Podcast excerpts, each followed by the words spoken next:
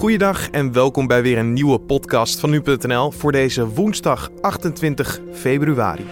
Mijn naam is Carne van der Brink en in deze Dit wordt het nieuws podcast praat ik je natuurlijk weer bij over het nieuws van afgelopen nacht. En niet te vergeten natuurlijk wat voor dag het vandaag gaat worden. We gaan bijvoorbeeld aandacht besteden aan de eerste marathon op natuurijs en de halve finales van de KNVB-beker. Maar eerst kijken we kort terug naar het belangrijkste nieuws van afgelopen nacht. Jared Kushner, de schoonzoon van Donald Trump, heeft geen toegang meer tot de meest vertrouwelijke rapportage van de Amerikaanse inlichtingendienst, de zogeheten President's Daily Brief. Kushner werkte al een jaar als Trumps naaste adviseur met slechts een voorlopige goedkeuring op zak. Voor een permanente verklaring van goed gedrag is een heel grondig antecedentenonderzoek nodig, dat bij Kushner nog niet is afgerond. Het aantal personen dat een bijstandsuitkering ontvangt is in 2017 met 35.000 gedaald. Het is de eerste daling sinds 2008. Eind vorig jaar kwam het aantal bijstandsgerechtigden tot de AOW-leeftijd op 461.000 te Dat blijkt uit cijfers van het CBS. En de terugloop is te danken aan een afname van ruim 8.000 bijstandontvangers in de leeftijdsgroep van 27 tot 49 jaar. Het aantal Nederlanders met griepachtige verschijnselen is weer toegenomen. De griepgolf in ons land duurt nu al 11 weken twee weken langer dan gemiddeld. Volgens Gezondheidsinstituut Nivel gingen afgelopen week 155 op de 100.000 mensen naar de huisarts met griepachtige klachten. De week daarvoor waren het er maar 140. Blijf je elke nacht op voor een speciaal radioprogramma, dan had je misschien vandaag een saaie nacht te pakken. Want de radiozenders van de Nederlandse publieke omroep, de NPO, waren in een groot deel van het land tijdelijk niet te beluisteren via de FM-frequentie. Aan de antenneinstallaties van de verschillende zendmasten werd namelijk onderhoud gepleegd. En dan kijken we naar het nieuws van vandaag, oftewel dit wordt het nieuws. Vanavond wordt de eerste marathon op natuurijs gereden in Haaksbergen. De KNSB maakte dat nieuws dinsdag bekend. Het ijs op de baan had toen een dikte van minstens 3 centimeter. Voor schaats- en skielerclub IJs uit Haaksbergen is het inmiddels de zesde keer sinds 2000 dat ze de primeur krijgen om de eerste marathon op natuurijs te verzorgen. Julien Dom sprak alvast met Jaap in het veld, voorzitter van de eerste marathon op natuurijs in Haaksbergen.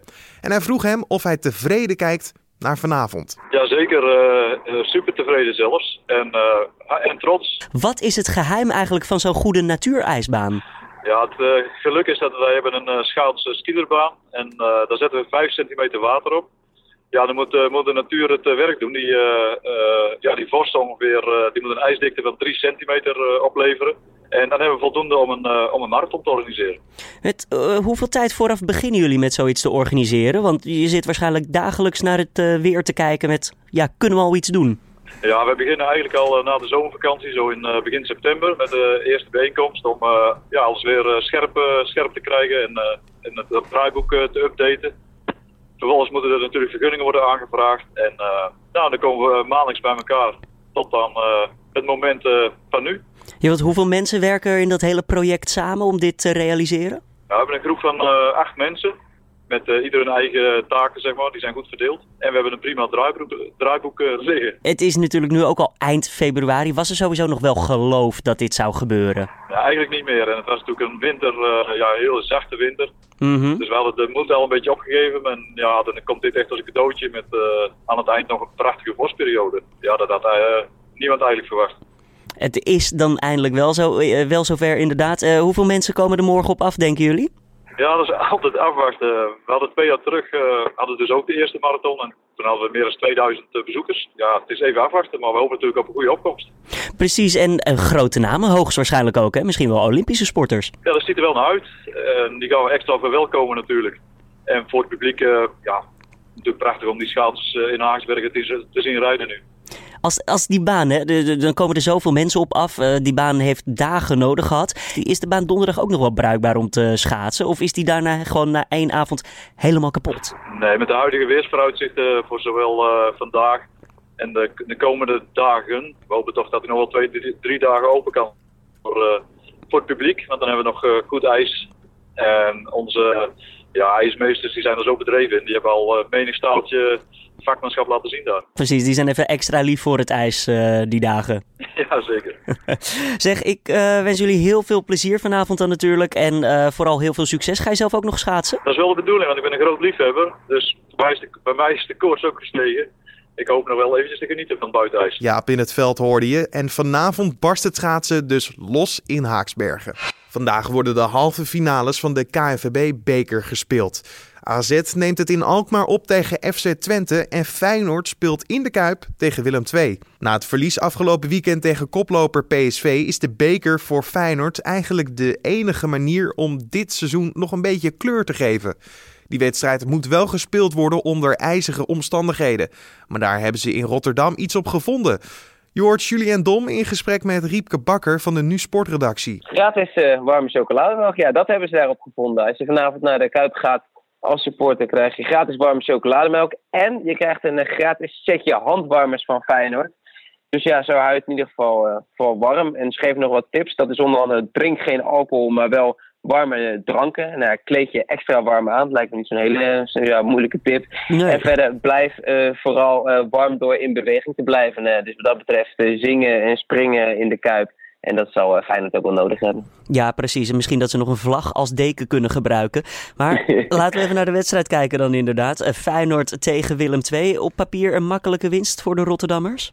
nee, dat is zeker in dit seizoen is dat absoluut niet zeker. Want ja, Feyenoord, het, het draait niet, het loopt niet. Feyenoord is uh, nou ja, zo ongeveer de slechtste titelverdediger die we ooit in Nederland gehad hebben. 23 punten achterstand op, op koploper PSV. Dus ja, die beker, dat is de enige manier om uh, dat seizoen nog een beetje glans te geven. Maar ja, Feyenoord wankelt en ja, je zou bijna vrezen dat het misgaat. In ieder geval uh, geen uitgemaakte zaak. De druk staat er vol op. Als het vanavond misgaat, dan is het seizoen ja, definitief mislukt. Waar liggen eigenlijk de kansen voor Willem II dan?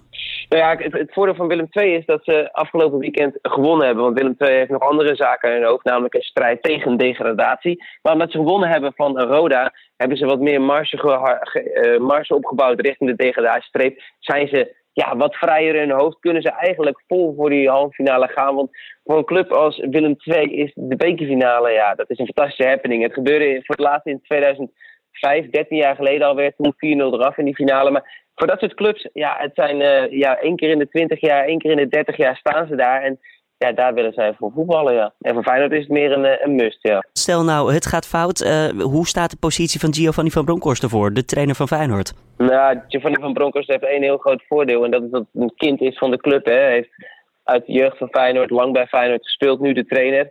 En hij heeft de afgelopen jaren gewoon op papier. Het was af en toe wel heel wankel en heel uh, slecht, vooral in het eerste seizoen. Maar hij heeft op papier gewoon de KNVB-beker in zijn eerste jaar gewonnen. Hij heeft de landstitel in zijn tweede jaar gewonnen. Hij heeft dit seizoen, zijn we eigenlijk weer een beetje vergeten, maar heeft hij de Johan Cruijffschaal gewonnen. Dus hij heeft een lekkere erelijst waar hij op kan teren. En ja, het is een kind van de club. Dus in die zin, bij een andere trainer zou er misschien al wat veel meer uh, gemor komen. Dat gemor is er nu niet.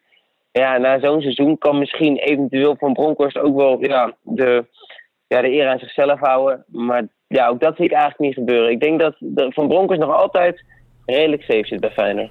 Dan nog eventjes AZ tegen FC Twente. De nummer 3 tegen de nummer 16 in de eredivisie. Een nog groter verschil dan in Rotterdam gewoon. Ja, ja terwijl eigenlijk het qua selecties niet eens zoveel zou moeten uitmaken. Want als er één ploeg dit seizoen onder zijn uh, ja, niveau voetbalt, is het FC Twente een, uh, een best wel grote club. alleen ja, sinds René Haken eruit ligt en hij werd opgevolgd door Gert-Jan Verbeek, misschien wel een beetje de verlosser, gaat het alleen maar nog slechter met Twente. Sterker, Gert-Jan Verbeek is op dit moment qua cijfers gewoon de slechtste FC Twente trainer ooit. En zij hebben in, in tegenstelling tot Willem II wel echt dat ze nog vol bezig zijn met die strijd tegen degradatie in de eredivisie. En die KNVB-beker lijkt daardoor iets meer een soort hinderlijke onderbreking. Dus bij hun zit er wel een soort ja, randje aan dat ze zich ook moeten sparen voor de competitie. Dus het is, het is echt heel lastig vanavond voor FC Twente. AZ die heeft natuurlijk zoiets van, nou de nummer 2 positie is ook dichtbij. Ajax laat punten liggen. Willen zij daar niet vol voor gaan en hebben ze zoiets van, nou die KNVB-beker laat me lekker liggen joh. Nee, nee, want voor AZ het is, het is een fantastische happening voor AZ. Het is een prachtige prijs voor AZ om te kunnen winnen. En kijk, AZ is op dit moment derde en de tweede plaats nog wel enigszins in zicht. Maar mochten ze derde worden, is het ook een fantastisch seizoen. En wat dat betreft kan AZ als enige echt lekker vrijuit voetballen vanavond. Want Ja, stel je voor, ze worden derde, ze winnen de beker en dan hebben ze ook nog eens Europees voetbal al veiliggesteld. Hoef je niet rekening mee te houden, gaan wij die play-offs in of hoe sluiten we dat seizoen af. Het seizoen is sowieso geslaagd. En met deze selectie, hè, het is best ruim, het is heel jong, het is talentvol, het is, het is fris. Er zit ook wat ervaring bij met Ron Vlaar. Kunnen ze ook wel gewoon twee wedstrijden per week spelen. Dat moet mogelijk zijn voor AZ. Dus ja, AZ de absolute favoriet vanavond tegen Twente. En de spelers zelf, kunnen zij nog iets doen tegen de Siberische temperaturen? Mogen ze bijvoorbeeld iets aantrekken? Ja, dat, dat mag. Ik weet niet of je ooit nog uh, in 2012, nee sorry, in 2011 was het uh, FC Twente tegen Rubin Kazan in Moskou. Nou ja, toen was het de regel is altijd, hè, als de gevoelstemperatuur onder de min 15 gaat, dan moet het worden afgelast. Nou ja, het is vanavond geen min 15. Destijds was het wel veel en veel en veel kouder, maar er was een of andere Russische thermometer die gaf aan min 13, dus we gaan voetballen. nou, wat, ze toen bij, wat ze toen bij Twente deden was uh, warmtecompressors in de, in de schoenen. Je kan natuurlijk zoveel mogelijk onder je shirt doen wat er maar kan. Ja, Twente heeft die wedstrijd met 2-0 gewonnen. Dus je kan wel echt presteren. Je kan ook als je op de bank zit, mag je gewoon een hele dikke warme deken. En dat gaat ook gebeuren over de spelers heen. Dus in die zin, ja, het is een beetje mutsen, sjaals, handschoenen en, uh, en zo overleven. Maar uh, ja, het is allemaal niet heel prettig. En ik denk ook af en toe, waarom doen we niet gewoon lekker over twee weken als het 10 graden is. Maar gaat gevoetbald worden. En uh, ja, voor de spelers wordt het ook een beetje overleven. Riepke Bakker was dat. En vanavond speelt dus AZ om half zeven tegen FC Twente. Daarna start op kwart voor negen de wedstrijd in Rotterdam. Feyenoord tegen Willem II. En dit gebeurt er verder vandaag nog. De Veiligheidsraad van de Verenigde Naties zal de situatie in Syrië nogmaals bespreken.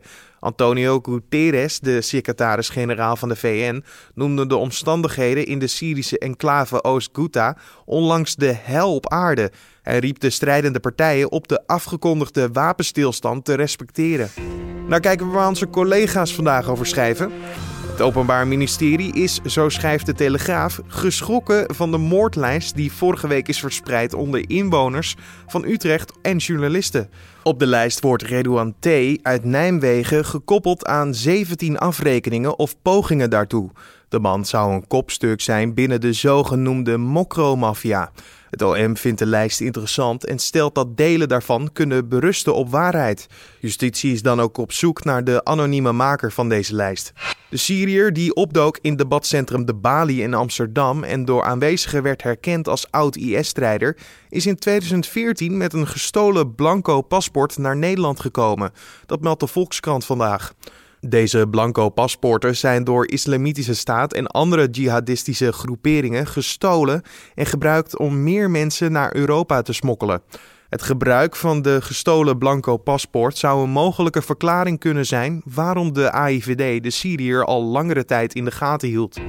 En dan nog even het weer. Het wordt vandaag zonnig, droog, maar wel gaan we met z'n allen bibberen.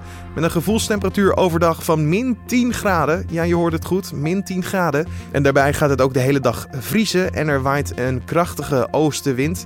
In de avond wordt het kouder en daalt de gevoelstemperatuur onder een frisse min 15 graden. En dan nog dit. Het is vandaag slaap in het openbaardag. Het idee is dat je vandaag dan op openbare plekken mag slapen. Denk bijvoorbeeld aan in de trein, op je werk of op een bankje in het park. Maar mocht je dit vandaag nou gaan doen, maar je bent bang dat je misschien ja, zo diep in slaap valt dat je niet snel meer wakker wordt. In plaats van een powernap dat het een ellenlange slaap wordt. Nou, dan heeft cabaretier Jochem Meijer wel een speciaal wakkermaakliedje voor je. En opeens dacht ik bij mezelf... Slaapliedjes, daar zijn er duizenden van. Maar een wakkerwordliedje bestaat eigenlijk helemaal niet. Dus ik leg mijn ontbijt weg, kom op haar aflopen. Mama, wakker worden, wakker worden, wakker worden, wakker, wakker, wakker worden, wakker worden, wakker, wakker worden, wakker worden, wakker worden. Je moet nog douchen, poetsen, wassen, strijken, drogen, wassen, strijken, drogen, stress, stress, stress. Dus wakker worden, wakker worden, wakker worden, wakker, wakker, wakker worden, wakker worden, wakker,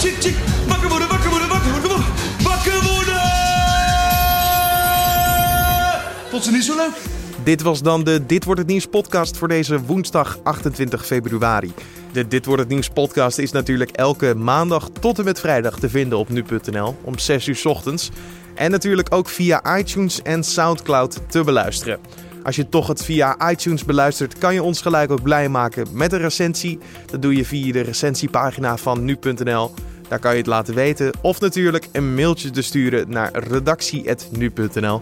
Nogmaals, redactie.nu.nl. En misschien heb je wel suggesties of iets wat je nou, misschien verbeterd zou willen zien. We wensen je voor nu een mooie dag. Doe wel even een sjaal om en wat handschoenen aan. Dan zorgen wij er weer voor dat we er morgen zijn.